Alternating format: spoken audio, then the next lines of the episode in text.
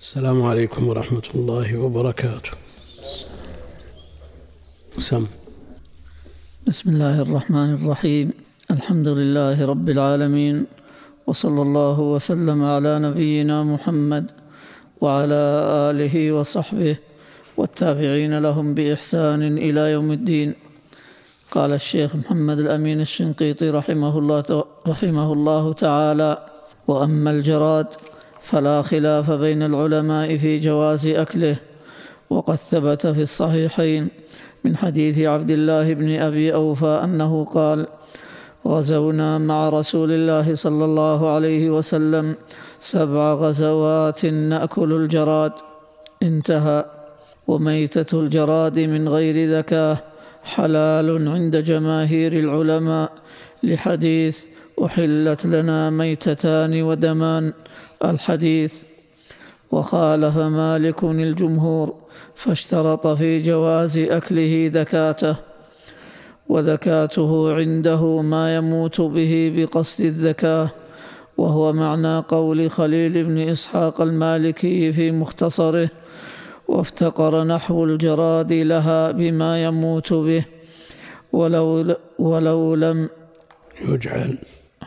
ولو لم يجعل يعني كقطع جناح. للتذكية. يعني ولو لم يجعل طريقا للتذكية كقطع جناح. ويستثنى من الجراد الذي أحل أكله. قالوا جراد الأندلس لأنه سام. فمنعه حينئذ لا لكونه جراد وإنما للضرر. هذا إذا ثبت ذلك واستمر مع أن وجد في وقت أو في بقعة لظرف طارئ فإنه لا يؤثر في الحكم. كما هو الحال الآن إذا ظهرت هذه يسمونها حشرات طيور فإنها ترش بالمبيدات. وعلى هذا يكون فيها الضرر ما لم يتأكد من سلامتها. وقل مثل هذا في أنواع الزروع والثمار كلها ترش بمبيدات يتأكد من كونها لا تصل إلى حد يضر بالآكل أو تنقى من هذه السموم. نعم. واحتج له المالكية. قالوا افتقر نحو الجراد لها أي للتذكية بما يموت به. يعني بما يموت به. ولو لم يجعل طريقا للتذكية كقطع الجناح. يعني الجراد تموت بقطع الجناح. هي لا تطير لكن قد تعيش. قد تعيش. ها؟ فقدت القدرة على الطيران؟ فقط. شو؟ يؤدي لكن ما تموت به. ما يقوم مقام التذكية عند من يشترطها. نعم. ولو لم يعني يجعل طريقا للتذكية كقطع جناح. يعني هذا معنى التماس للمعنى من خلال ما ذكر. ولو لم يعجل كقطع جناح. إيش معنى يعجل؟ تموت به فورا. يعجل واضح. إيه؟ عندنا يعجل ولم يجعل. عندنا يجعل لكن يعجل أوضح. عندنا يعجل. إيه لأن الجناح ما يعجل. تأخذ مدة طويلة. والغريب في الجراد أنه لو قطع رأسه لم يعجل بالموت. وطالعت وطالعنا غيرنا أن رأسا بمفرده يأكل ويطلع على طول لأنه لا يسرع إلى الموت. سبحان الله العظيم. لا هو ميت حكما. لكن الرأس بمفرده وهو بقدر أقل من الأنملة يدخل الطعام من هنا كالبرسيم مثلا أنا رأيته في مزرعة ويخرج من الجهة الثانية ويخمد على طول ما يبطي. مثل الضب لا يسرع إليه الموت نعم. واحتج له المالكية بعدم ثبوت حديث ابن عمر المذكور وحلت لنا ميتتان. الحديث لأن طرقه لا تخلو من ضعف في الإسناد. أو وقف. والأصل الاحتياج إلى الذكاء لعموم حرمت عليكم الميتة. وقال ابن كثير في تفسير سورة المائدة ما نصه. وقد قال أبو عبد الله محمد بن إدريس الشافعي حدثنا عبد الرحمن بن زيد بن أسلم عن أبيه عن ابن عمر مرفوعا قال قال رسول الله صلى الله عليه وسلم أحل لنا ميتتان ودمان فأما الميتتان فالسمك والجراد وأما الدمان فالكبد والطحال. وكذا رواه أحمد بن حنبل وابن ماجة والدار قطني والبيهقي من حديث عبد الرحمن بن زيد بن أسلم وهو ضعيف. قال الحافظ البيهقي ورواه إسماعيل بن أبي إدريس عن أسامة وعبد الله عن أسامة وعبد الله وعبد الرحمن بن زيد بن أسلم عن ابن عمر مرفوعا قلت وثلاثتهم كلهم ضعفاء ولكن بعضهم أصلح بعضهم أصلح من بعض وقد رواه سليمان بن بلال أحد الأثبات عن زيد بن أسلم عن عن ابن عمر فوقفه بعضهم عليه. قال الحافظ أبو زرعة الرازي وهو أصح انتهى من ابن كثير وهو دليل لما قاله المالكية والله تعالى أعلم. قال مقيده عفى الله عنه لكن للمخالف أن يقول إن الرواية الموقوفة عن ابن عمر من طريق سليمان بن بلال عن زيد بن أسلم عنه صحيحة ولها حكم الرفع لأن قول الصحابي أحل لنا أو حرم علينا له حكم الرفع لأنه من المعلوم أنه لا يحل لهم ولا يحرم عليهم إلا النبي صلى الله عليه وسلم كما تقرر في علوم الحديث. وأشار النووي في شرح المهذب إلى أن الرواية الصحيحة الموقوفة على ابن عمر لها حكم الرفع كما ذكرنا وهو واضح وهو دليل لا لبس فيه على إباحة ميتة الجراد من غير ذكاه والمالكية قالوا لم يصح الحديث مرفوعا. وميتة الجراد داخلة في عموم قوله حرمت عليكم الميتة الآية وافتقار الجراد إلى الذكاة بما يموت به كقطع رأسه بنية الذكاة أو صلقه أو قليه. كذلك رواية كذلك رواية الصلق هو السلق السلق. يسمونه السلق.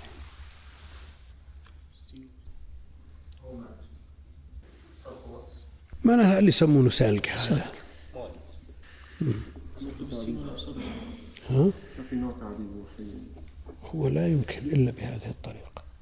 يؤتى به بالكيس ويجعل فيه قدر فيه ماء يغلي.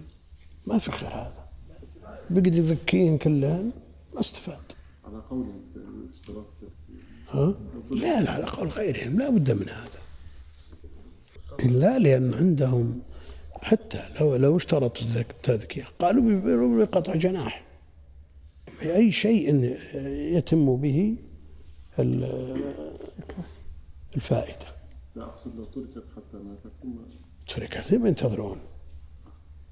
السلق عندهم ذكاء ها؟ السلق يعد شو؟ السلق وش فيه؟ يعد عند الملكية ذكاء عندهم مثل قطع هذا مثل قطع الجناح.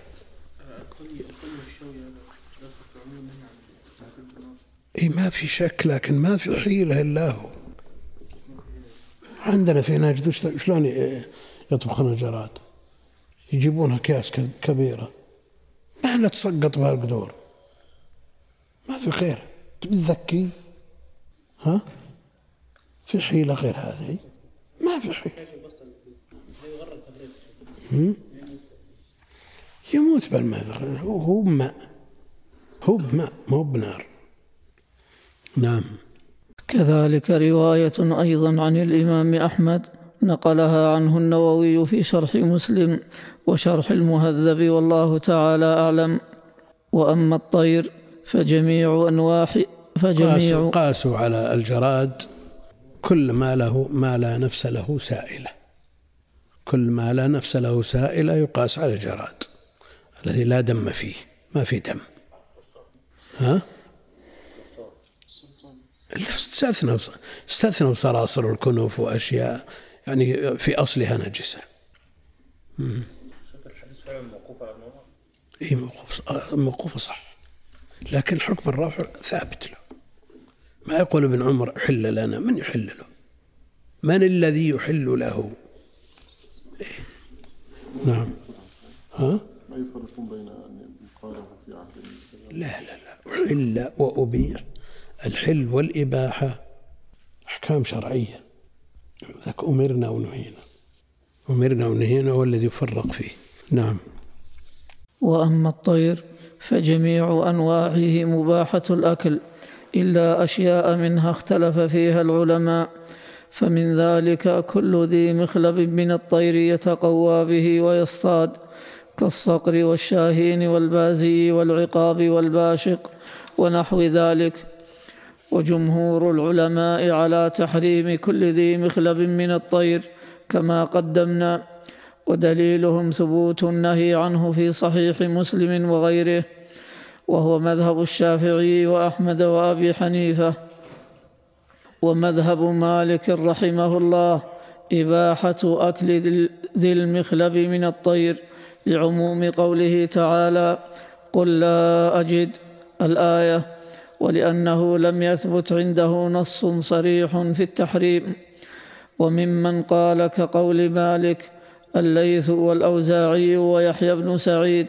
وقال مالك لم أر أحدا من أهل العلم يكره سباع الطير.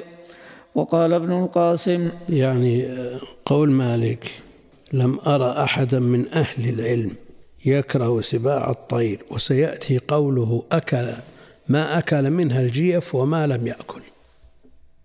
في بقية النقل. إذا استحضرت مثل هذا الكلام لم أرى أحدا من أهل العلم يكره سباع الطير والجمهور. ها؟ على خلافه. يحرمون. مجرد سألة كراهة.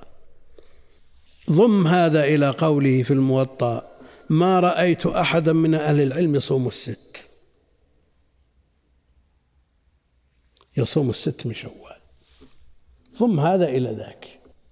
تخرج بالنتيجة أن هذه النفي المطلق لم أرى أحدا. يعني على حد ظنه في وقت من الأوقات أو في ظرف من الظروف أو شيء من هذا. والعامة أهل العلم يمنعون هذا ويصومون الست ومشهور في المذاهب كلها استحبابه. وقد ثبت به النص. ها؟ نجم السنن وإذا قال ما ما رأيت أحد يكره تاكل وهو نجم السنن شو؟ رأيت ذي مخلب وياكل الجيف وقل نجم السنن أحتج به ها؟ تصوم الستة أنت؟ لا ما هي مسألة مقصر تترك تعبد ولا ت... لا ما هي كذا. أنا قلت لك إن هذا كلام مالك تقول نجم السنن. أنت تقول نجم السنن يعني كلامه صحيح. مقتضى كونه نجم السنن. صح ولا لا؟ أنت ليش تعترض أجل؟ لكن هذا هذا مقامه. هذا مقامه. كم جبت البيت؟ واستغنى, واستغنى وصحح استغناء ذي الشهرة عن تزكية كمالك نجم السنن. كم سمعتموها على الماصدي؟ يؤتى بها في هذا الموضع؟ ما يصلح. نعم. شو؟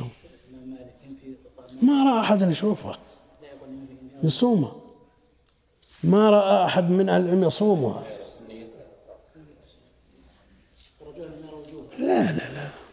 مثل هذا. ما رأى أحدا يكره أكل ذي المخلب أكل أكل الجيف وما أكل.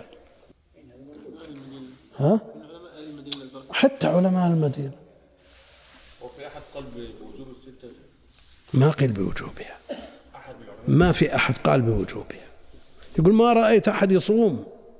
ما هو بقال يستحب ولا يوجب. لا بس استحضر مثل هذه الأشياء. إذا أحرجك أحد. قال ليش تصوم؟ وقال لك واحد مثل نجم السنن يقول ما رأيت أحد يصومه تبي تحتار تبي تحتار. تبي تحتار إذا قيل لك هذا الكلام. دعنا من مالك غيره. أنت لو يستدل عليك. وش ترد به؟ ها؟ لا هذا استحضار مثل هذه الأمور. في غاية الأهمية. لأنك تقف حائر. لما قال لك مالك نجم السنن ما رأيت أحدا يصومها أنت تعرف من مالك؟ خلاص. طيب ما رأى أحد ما يحرم أو يكره ما ما يأكل الجيف من ذي المخلب. عندنا الحديث الصحيح ينهى عن ذي المخلب ويشددون فيما يأكل الجيف. نعم.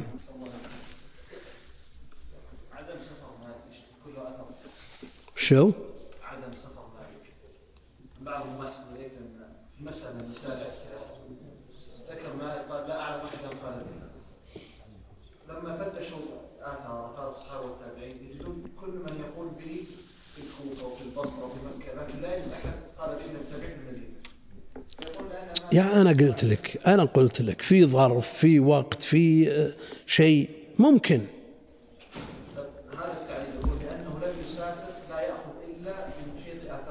عنده حجية معامل أهل المدينة.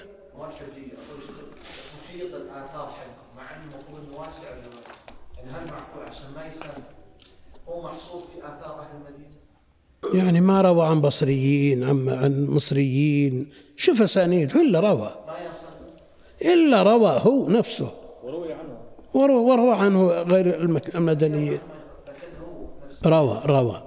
اختلط بأهل الأبصار حتى لو يعني ما جوها المدينة بالمدينة مصر. يجون يجون لكن فيه شيء الموضوع. نعم ويتمسك به من أراد أن يتنصل عن هذه الأمور وضايق صدره بالست ومس نعم. ها؟ ونجم السنن على العين والرأس ما أحد يقول فيه كلام. الذي يتكلم في مالك يؤذي نفسه ما يؤذي أحد. نعم. وقال ابن القاسم لم يكره مالك أكل شيء من الطير كله الرخم والعقبان والنسور والحدأة والغربان. وجميع سباع الطير وغير سباعها ما أكل الجيف منها وما لم يأكلها ولا بأس بأكل الهدهد والخطاف. وروى علي كراهة أكل الخطاف. لا. ابن على, رشد. على على كراهتي. وروى على كراهة أكل الخطاف. ابن ابن رشد. ابن رشد لقلة لحمها. مع تحرمها بمن عشعشت عنده. انتهى من المواق. في لكن هذه علة للتحريف؟ للتحريم قلة اللحم وكونها تعشش عند ببيوت الناس ها؟ نعم. انتهى من المواقي المواق. انتهى من المواق في شرحه. لقول خليل في مختصره وطير ولو جلاله.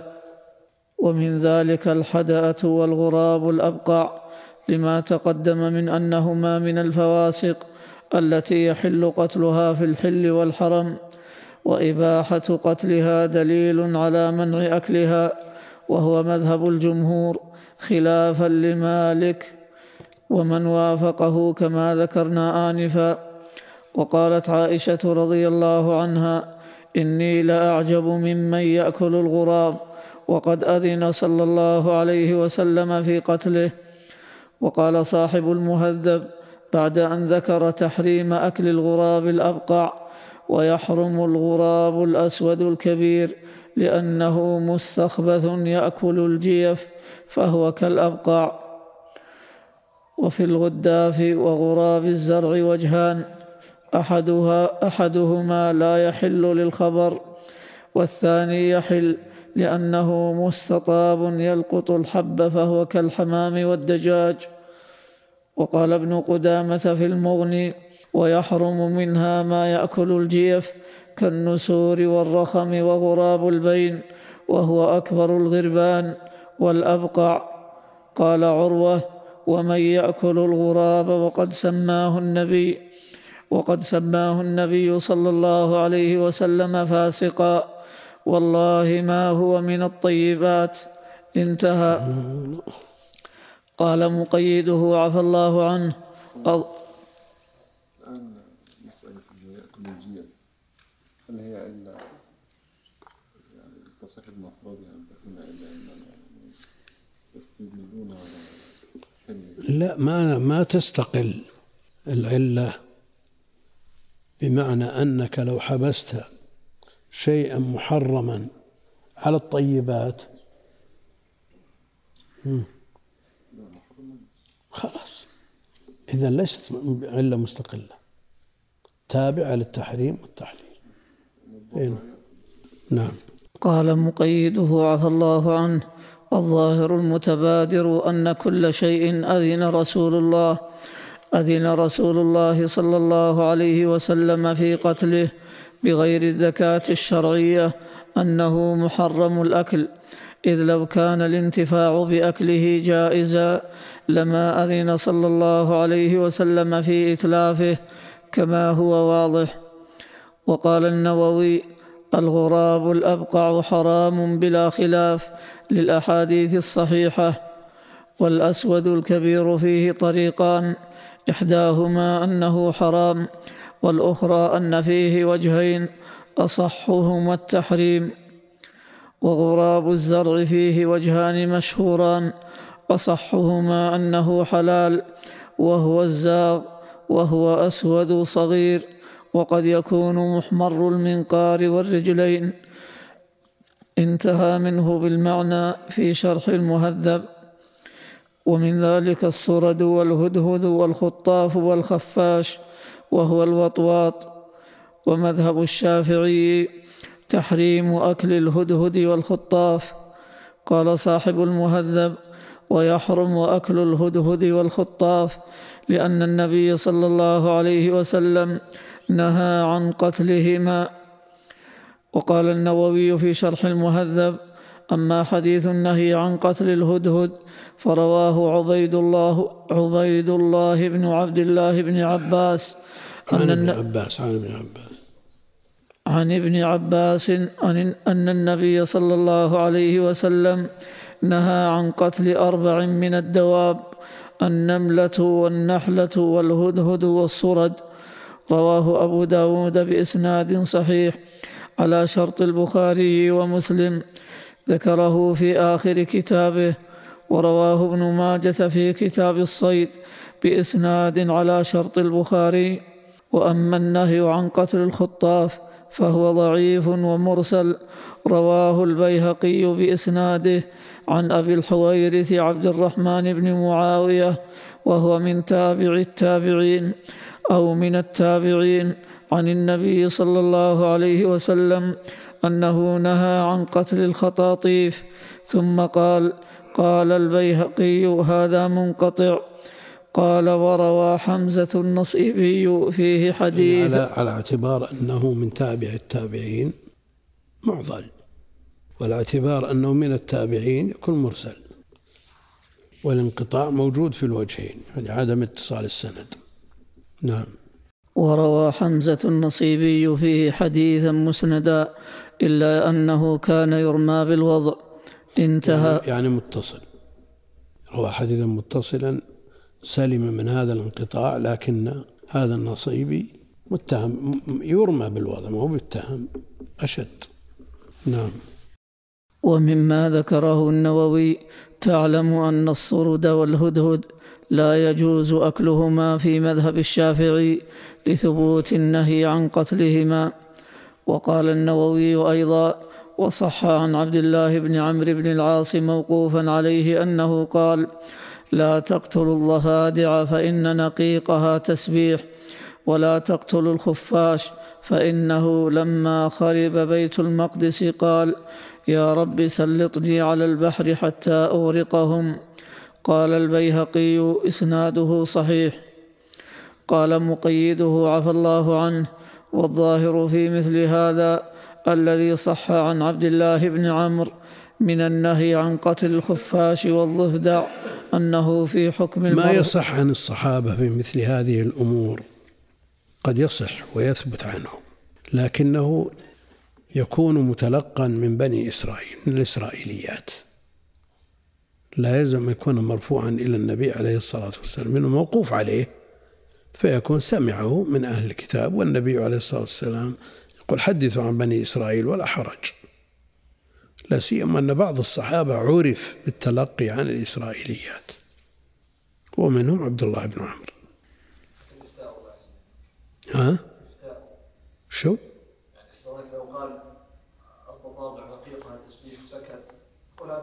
غيبي اخذ من أهل الكتاب لكنه افتي الآن ولا نقل احتجاج. لا ما هم مسألة احتجاج. حدثوا عن بني إسرائيل ولا حرج. حدثوا عن بني إسرائيل ولا حرج.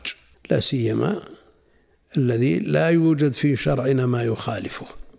أما إذا وجد ما يخالفه لا يجوز التحديث عنه.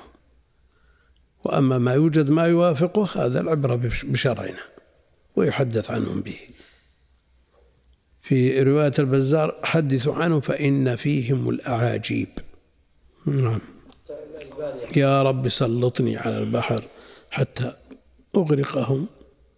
مثل ما روي عن الصحابة بأسانيد صحيحة أن الجراد بحري بحري وليس ببري?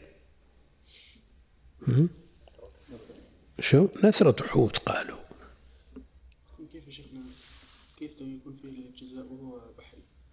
جمهور الصحابة جعلوا فيه الجزاء لا هذاك اللي يقول بحري ما في شيء. يقول ما في شيء اللي يقول بحري.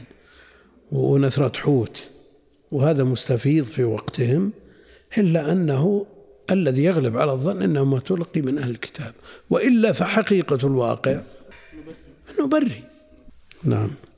قال مقيده عفى الله عنه والظاهر في مثل هذا الذي صح عن عبد الله بن عمرو من النهي عن قتل الخفاش والضفدع أنه في حكم المرفوع لأنه لا مجال للرأي فيه لأن علم تسبيح الضفدع وما قاله الخفاش لا يكون بالرأي وعليه فهو يدل على منع أكل الخفاش والضفدع.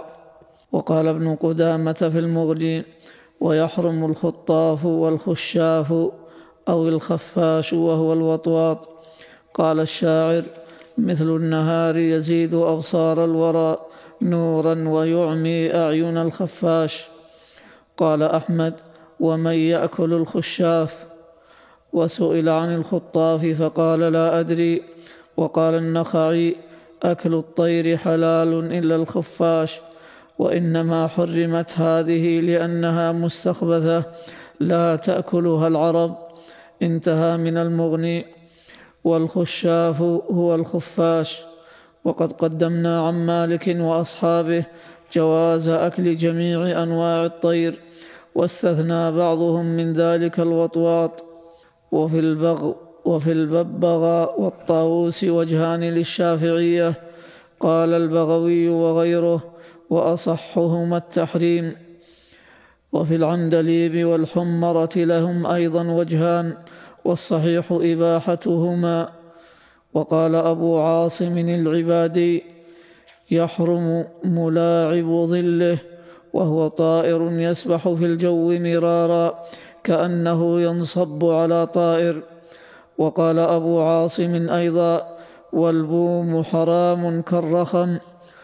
قال والضوع بضم الجاء والضوع بضم الضاد المعجمة وفتح الواو. وبالعين المهملة. ضوع والضوع بضم الضاد المعجمة وفتح الواو وبالعين المهملة. حرام على أصح القولين. قال الرافعي هذا يقتضي أن الضوع غير البوم. قال لكن في صحاح الجوهري أن الضوع طائر من طير الليل من جنس الهام. وقال المفضل هو ذكر البوم. قال الرافعي فعلى هذا إن كان في الضوع قول لزم إجراؤه في البوم لأن الذكر والأنثى من الجنس الواحد لا يفترقان. قال يعني, يعني في حكم الأكل. قال النووي ثم قال قلت الأشهر أن الضوع من جنس الهام فلا يلزم اشتراكهما في الحكم. وأما حشرات ما قيل الطير. في الهامة أنها هي ألبوم في شروح التوحيد. إيه. ما قالوا أنها هي ألبوم؟ نعم. ها؟ نعم. وأما حشرات الطير كالنحل والزنابير والذباب والبعوض ونحو ذلك فأكلها حرام عند الشافعية عند الشافعي وأحمد وأكثر العلماء. لأنها مستخبثة طبعا. والله تعالى يقول ويحرم عليهم الخبائث ومن ذلك الجلالة وهي التي تأكل النجس وأصلها التي تلتقط الجلة بتثليث الجيم وهي البعر. والمراد بها عند العلماء التي تأكل النجاسات من الطير والدواب. ومشهور مذهب الإمام مالك جواز أكل لحم الجلالة مطلقا أما لبنها وبولها فنجسان في مشهور مذهبه ما دام النجس باقيا في جوفها ويطهر لبنها وبولها عنده إن أمسكت عن أكل النجس وعلفت علفا طاهرا مدة ما دام النجس باقيا في جوفها يعني لم يتحلل. ولم يصل إلى اللبن ولم يصل إلى اللحم. أما إذا تهضم من بطنها وتحلل ووصل إلى الأجزاء التي يمكن منعها لأنه يقول أما لبنها ومشهور مذهب الإمام مالك جواز أكل لحم الجلالة مطلقة اللحم. أما اللبن لبنها وبولها فنجسان في مشهور مذهبه ما دام النجس باقيا في جوفها. ويطهر لبنها وبولها عنده إن أمسكت حتى أمسكت عن أكل النجس وعلفت علفا طاهرا مدة يغلب على الظن فيها عدم بقاء شيء من جوفها من الفضلات النجسة. الجلالة عند الأكثر أنها تطهر بعد ثلاث أيام من حبسها عن أكل النجاسة. نعم. اللي يقول مثلا من العلماء الطهارة بالاستحالة إيه. هل هل يقول ان الجلالة لا ينظر اليها يعني يقول يجيز اكل الجلالة؟ ما دام استحالت لكن هل استحالت مع بقاء الرائحة؟ أحيانا تكون مع بقاء الرائحة. الرائحة. هم؟ وبيجي ربط الكلام بالرائحة و... وعدمه. الاستحالة على كذا ليس- ليست مطهرة. إذا كانت الرائحة موجودة فالنجاسة باقية. يقصد يا شيخ يعني إن الغذاء هذا النجاسة تحول إلى لحم ودم ولبن؟ هو قيل به هذا رأي مالك. رأيه أن مجرد ما تأكل خلاص انتهى. العلماء يقولون إذا أكلت في مدة قصيرة فاللحم متنجس واللبن متنجس وهكذا. إذا أمسكت مدة لا تأكل طاب لحمها. هذا عندهم. حتى يغلب على الظن فيها عدم بقاء شيء في جوفها من الفضلات. وأنتم تعرفون الخلاف في آه، تطهير الماء مثلا. بالفلاتر هذه ال- ال- الدقيقة. هل هل يطهره من النجاسة ويبقى نجس لأنه ما تغير؟ وعلى ذلك يوم يأتي شيء من الإشارات. ما يخليها الشيخ. نعم.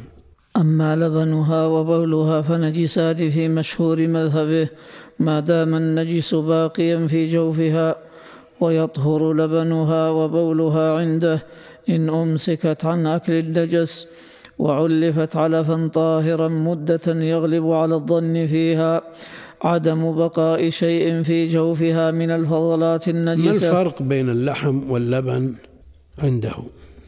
رحمه الله. اللبن يستخلف؟ اللبن يستخلف من الطعام. واللحم منين؟ ما يزيد في الغالب يقف عند حد معين لا يزيد. خلاف اللبن. لعل هذا ها؟ شو؟ بالطعام يسمن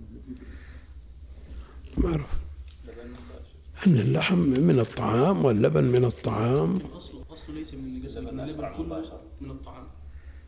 أكثر مباشرة اللبن بين فرق ودم اللبن. هي ال- هو ال- الإشكال أن اللبن يتولد في وقت قصير. فتعرف أنه من الطعام المأكول اليوم. بخلاف اللحم. ما تجزم بأن هذه الكمية من هذا اليوم أو من أمس. نعم. وكره كثير من العلماء لحم الجلالة ولبنها وحجتهم حديث ابن عباس حديث ابن عباس أن النبي صلى الله عليه وسلم نهى عن ألبان الجلالة. قال النووي في شرح المهذب حديث ابن عباس صحيح. رواه أبو داود والترمذي والنسائي بأسانيد صحيحة. قال الترمذي هو حديث حسن صحيح انتهى. وقال النووي في حد الجلالة والصحيح الذي عليه الجمهور أنه لا اعتبار بالكثرة وإنما الاعتبار بالرائحة والنتن فإن وجد في عرقها وغيره ريح النجاسة فجلاله وإلا فلا. وأكل لحم الجلالة وشرب لبنها مكروه عند الشافعية والصحيح عندهم أنها كراهة تنزيه وقيل كراهة تحريم. وقال ابن قدامة في المغني قال أحمد أكره لحوم الجلالة وألبانها. قال القاضي في المجرد هي التي تأكل القذر. فإذا كان أكثر علفها النجاسة حرم لحمها ولبنها وفي بيضها روايتان وإن كان أكثر علفها في الطاهر بيضها روايتان ويفرقون بين البيضة التي صلب قشرها وبين البيضة التي لا يزال القشر فيها رقيقا. نعم. وفي بيضها روايتان وإن كان أكثر علفها الطاهر لم يحرم أكلها ولا, ولا لبنها. وتحديد الجلالة بكون أكثر علفها النجاسة لم نسمعه عن أحمد ولا هو ظاهر كلامه لكن يمكن تحديده بما يكون كثيرا في مأكولها ويعفى عن اليسير. وقال الليث إنما كانوا يكرهون الجلالة التي لا طعام لها إلا الرجيع إلا الرجيع وما أشبهه. ها؟ ترك بعيد. يعفى عن اليسير. لا هم ينظرون إلى كثرة هنا بغض النظر عن القلة يعني الطرف الثاني. نعم؟ ما هم بيوازنون إن كان نصف كذا فالأكثر ما في شيء والنصف كذا إذا كان أقل إذا كان أقل من النصف فالحكم كذا. لا. يعني مثل ما يقال في الرواة. كثير الضبط عند الأصوليين يقولون ينظرون إلى الكثرة والقلة فما كان أكثر حاله الضبط فهو ضابط وإذا كان الأقل من حاله وإن كان قريبا من النصف فغير ضابط. ال- ال- المحدثون يقولون لا ما تنظر إلى إلى الخطأ انظر إلى الضبط بمفرده. إذا كان الخطأ يسير بالنسبة لهذا الضبط وحده بعضهم بالسبع كالطيالسي إذا كان يخطئ في سبع مروياته فخطأه كثير. إذا كان أقل من ذلك فأقل. لكن جمهور المحدثين لا ينظرون إلى هذا البتة. اللي يرو الذي يروي ألف حديث ويخطئ في مئة كثير الخطأ ولا قليل؟ كثير وهو العشر. لكن الذي ينذر في حديث الخطأ ومن يوافق غالبا ذا الضبط فضابط أو نادرا فمخطئ. غالبا ما هم من يعني أكثر من النصف. من يوافقهم نادرا فهو محكوم عليه بكثرة الخطأ واحسن الله عليك السؤال بالنسبة للمطبوعه عندنا مكتوب ويغني عن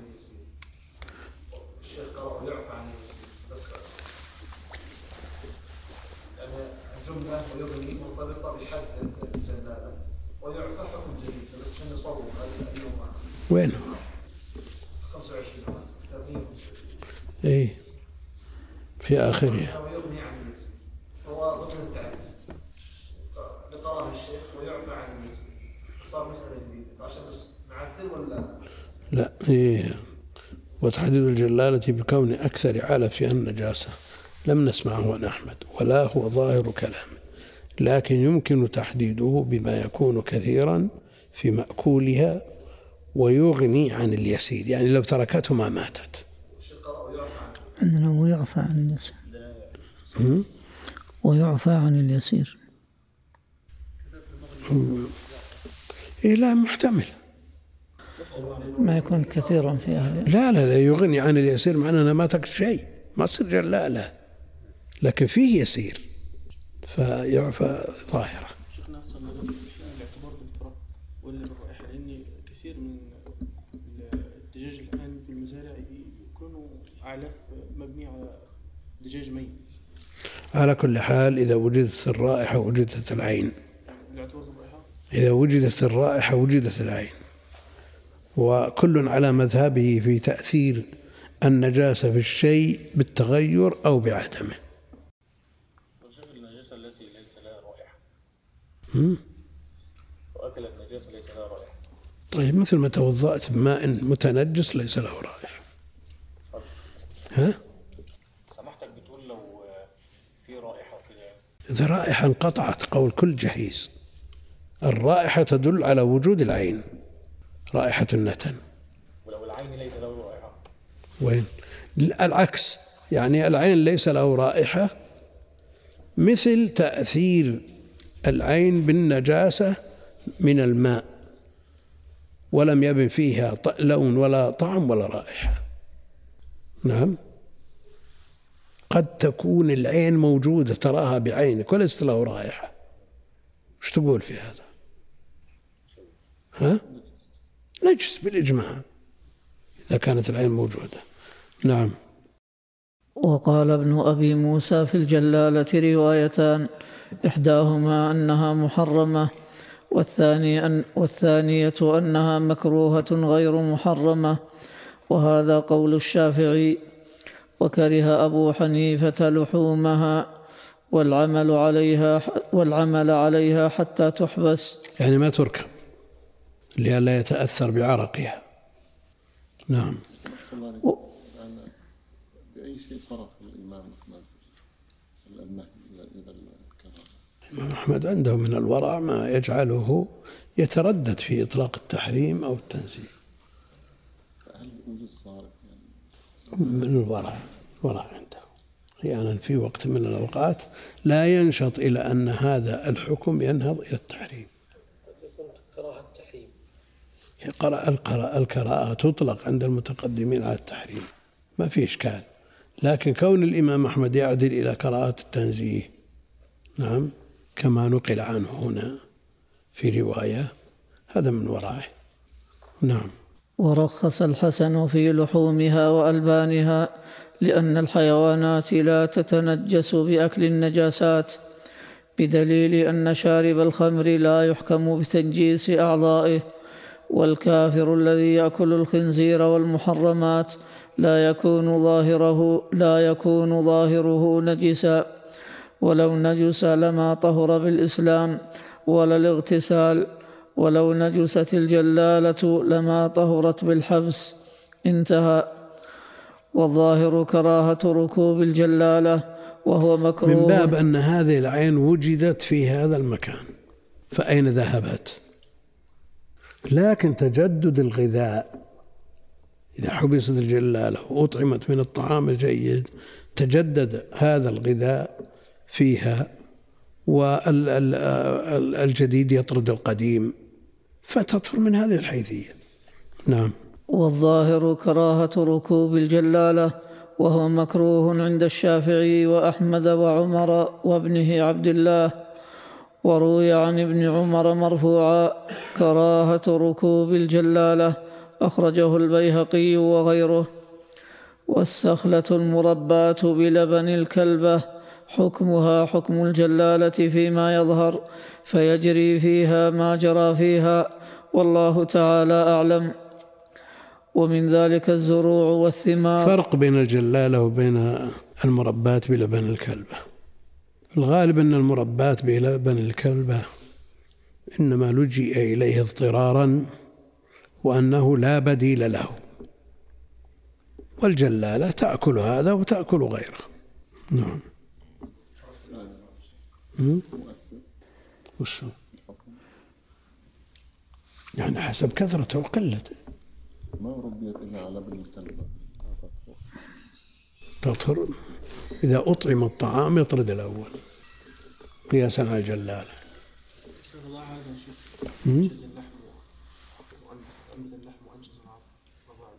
على كل حال جل تحرم مطلقا يعني على قول الرضاعة الرضاعة بس لا لا, لا ما هم ذاك الحكم ما هو قطعي في المسألة بدليل أنه أبيح للحاجة. نعم. ومن ذلك الزروع والثمار التي سقيت. شو عليه؟ الصحن المربع لبن الكلبة إي مئة بالمئة لبن الكلب ما عندهم غيره. شو ترتب عليه؟ أنها أشد. فتحتاج إلى وقت أطول. ما في فرق. نعم. ومن ذلك الزروع والثمار التي سقيت بالنجازة بالنجاسات أو سمدت بها فأكثر العلماء على أنها طاهرة وأن ذلك لا ينجسها. وممن قال بذلك مالك والشافعي وأصحابهما خلافا للإمام أحمد. وقال ابن قدامة في المغني وتحرم الزروع والثمار التي سقيت بالنجاسات أو سمدت بها.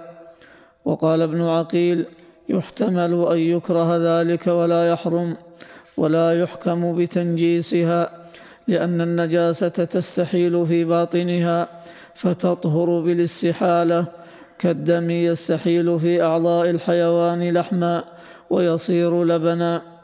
وهذا قول أكثر الفقهاء منهم أبو حنيفة والشافعي وكان سعد بن أبي وقاص يدمل أرضه بالعرة ويقول مكتل عرة مكتل بر والعرة عذرة الناس ولنا ما روي عن ابن عباس كنا نكري أراضي رسول الله صلى الله عليه وسلم ونشترط عليهم ألا يدملوها بعذرة الناس ولأنها تتغذى بالنجاسات وتترقى فيها أجزاؤها والاستحالة لا تطهر.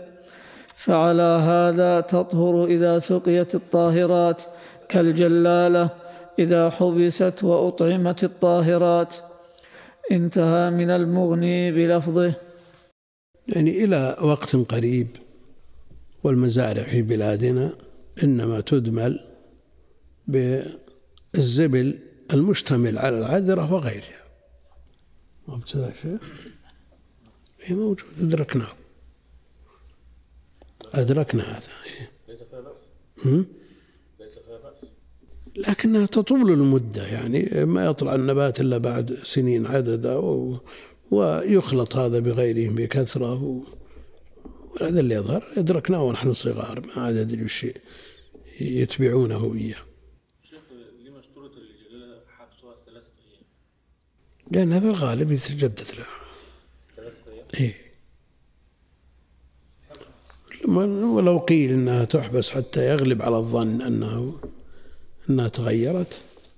لا يختلف يا شيخ إذا كان مثلا بقر أو غير ذلك يعني إذا اكلت نجاسه مثلا بحسب اكلت شيء يسير ما يضر لكن إذا كانت تتغذى عليه هذه تصير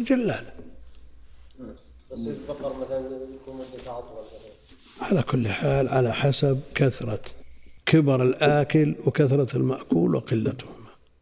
تجيب لي عصفور وتقول جلالة ومعطيه شيء كثير وتجيب لي بقرة تعطيها شيء يسير وهذا جلالة وهذه جلالة. لابد من التفريق. شو؟ قبل تحليله قبل تحليته المكرر لا هم يقولون المكرر بالآلات الدقيقة يعود كما هو بدليل أنك تصب الشاي نعم في هذه الآلة التي تكرر فلتر فيطلع الماء على حدة واللون على حدة. فهذه من الدقة بحيث يؤمن معها أن تنتقل معها النجاسة. وعلى كل حال ال- الجزم بهذا فيه ما فيه لا سيما في المذهب الذين يقولون إنه يتنجس ولو لم يتغير. لكن مع كثرته ووجود الفتاوى الكثيرة من المجامع وغيرها التي تقول بأنه يتغير بالتكرير تسامح الناس. المكرر نجس. هم يقولون إذا لم يكرر بآلات تكرر في الشجرة. الشجرة كررته وغيرته بدليل أنه لو خرج منه من الشجرة شيء لكان لا لون فيه ولا طعم ولا رائحة طعام النجاسة الحيواني المأكول زكاة قليله زي العلف الحيوانات. ما يجوز. لكن أكثر اعلاف الحيوانات كونها أكثر وكون الحكم كذا شيء. وكون أولئك آه، اعتمدوا أقوال أخرى ورجحوها أو رجحت لهم شيء آخر أكثر الاعلاف الحين يا شيخ ما ما في علف يخلو من الحيوان على كل حال حتى الدجاج أكثرها منها الح- الحيوان الميت.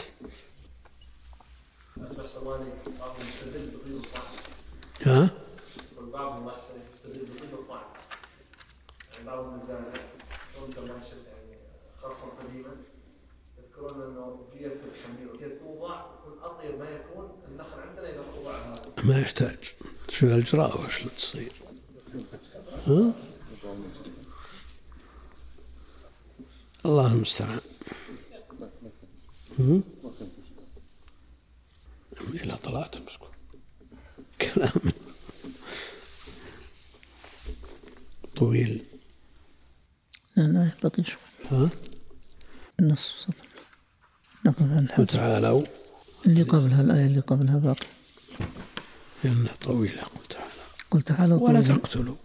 الآية اللي قبلها اللي قبل قل تعالوا وش إحنا ب 27 الآن. سيقول اقرأ اقرأ القصيرة دي. قوله تعالى سيقول الذين أشركوا لو شاء الله ما أشركنا. الآية ذكر في هذه الآية الكريمة أنهم سيقولون لو شاء الله ما أشركنا.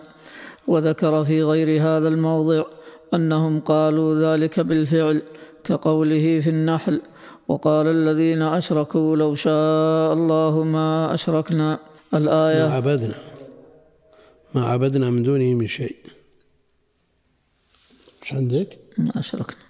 ما الآية ها؟ ما الآية كقوله في النحل وقال الذين أشركوا لو شاء الله ما عبدنا من دونه من شيء. ويقول لو قال الذين أشركوا لو شاء الله ما أشركنا. مثل مثل الآية المترجم بها. وهذه ميزة آه، طبعة عالم الفوائد أن الآيات برسم المصحف. لكن قد تكون الآية برسم المصحف وتكون في غير موضعها من السياق. تكون في غير موضعها من السياق. ليس على الأعمى حرج ولا ولا على المريض حرج. في آية الأطعمة غيرها في غيرها في آية الجهاد. قد ورد هذا في الأطعمة ورد هذا في الجهاد. كونك تجيب لي مثل ما يرقم بعض المحققين من يزعم التحقيق ومن يزعم خدمة التراث يقول ثم يجيب لك رقم هذه الآية في موضع هذه الآية. والمعنى مشرق وذاك مغرب. أحسن لما غيروا تأثر شيء في طريقة استدلال الشيء فتاوى شيخ الإسلام. في آيات. كان في الطبعة الأولى آيات مثل هذه. لما غيروا هم أحسن لكن هل تأثر استدلال الشيء؟ لما ما شالوا إلا الآية بس يب- يبقى ال- ال- النظر الدقيق الذي قلته. أن هذه لأن لأن بيغير يبي يفتح المصحف ويكتب. الرقم اللي يرسم هذه الآية برسم المصحف أو يصورها ثم يضع الرقم. لكن قد لا تكون الآية المرادة وإن اتفقت معها في الحروف لأن السياق يأبى إنزالها في هذا الموضع؟ فتاوى الشيخ شيخ الإسلام أنا تابعت بعض ال- ال- الآيات في الطبعة الأولى فيها أخطاء لما غيروا تاثر استدلال الشيخ يعني اتوا بمثل ما ذكرت إيه لا ما أدري والله والله ما ما ما لأن اعتمادي ما زال على الطبعة القديمة ومرادهم كقوله في النحل وقال الذين أشركوا لو شاء الله ما عبدنا ما عبدنا من دونه من شيء. عندنا ما. عبدناهم. وقال وقالوا لو شاء الرحمن ما عبدناهم. في الزخرف. وقوله في الزخرف. إيه. إيه الآية التي تليها؟ نعم. وقوله في الزخرف وقالوا لو شاء الرحمن ما عبدناهم. الآية ومرادهم أن الله لما كان قادرا على منعهم من الإشراك ولم يمنعهم منه أن ذلك دليل على رضاه بشركهم. ولذلك كذبهم هنا بقوله قل هل عندكم من علم فتخرجوه لنا إن تتبعون إلا الظن. الآية وكذبهم في الزخرف بقوله ما لهم بذلك من علم إنهم إلا يخرصون. وقال في الزمر ولا يرضى لعباده الكفر. الآية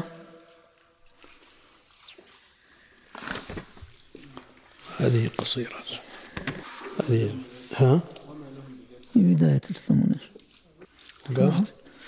بداية الثمن. هي قل تعالوا. إيه خلاص. صلى الله إليك يا شيخ. بالنسبة إلى الغراب يا شيخ هم خصصوا بالأبقع. إيه اللي اللي فيها النص. اللي فيها النص. نص لكن النص العام غراب. وفي رواية أخرى الأبقع ولا الخاص يوافق حكم العام. يعني لا يعد تخصيصا. هذا تخصيص أو تقييد. هل وراه القاعدة المعروفة هذا وصف وصف ولا فرد؟ المذكور الزائد. هذا وصف تقييد ما هو بتخصيص. يعني يقيد إذا كان وصف إذا كان تقييد هو قيد.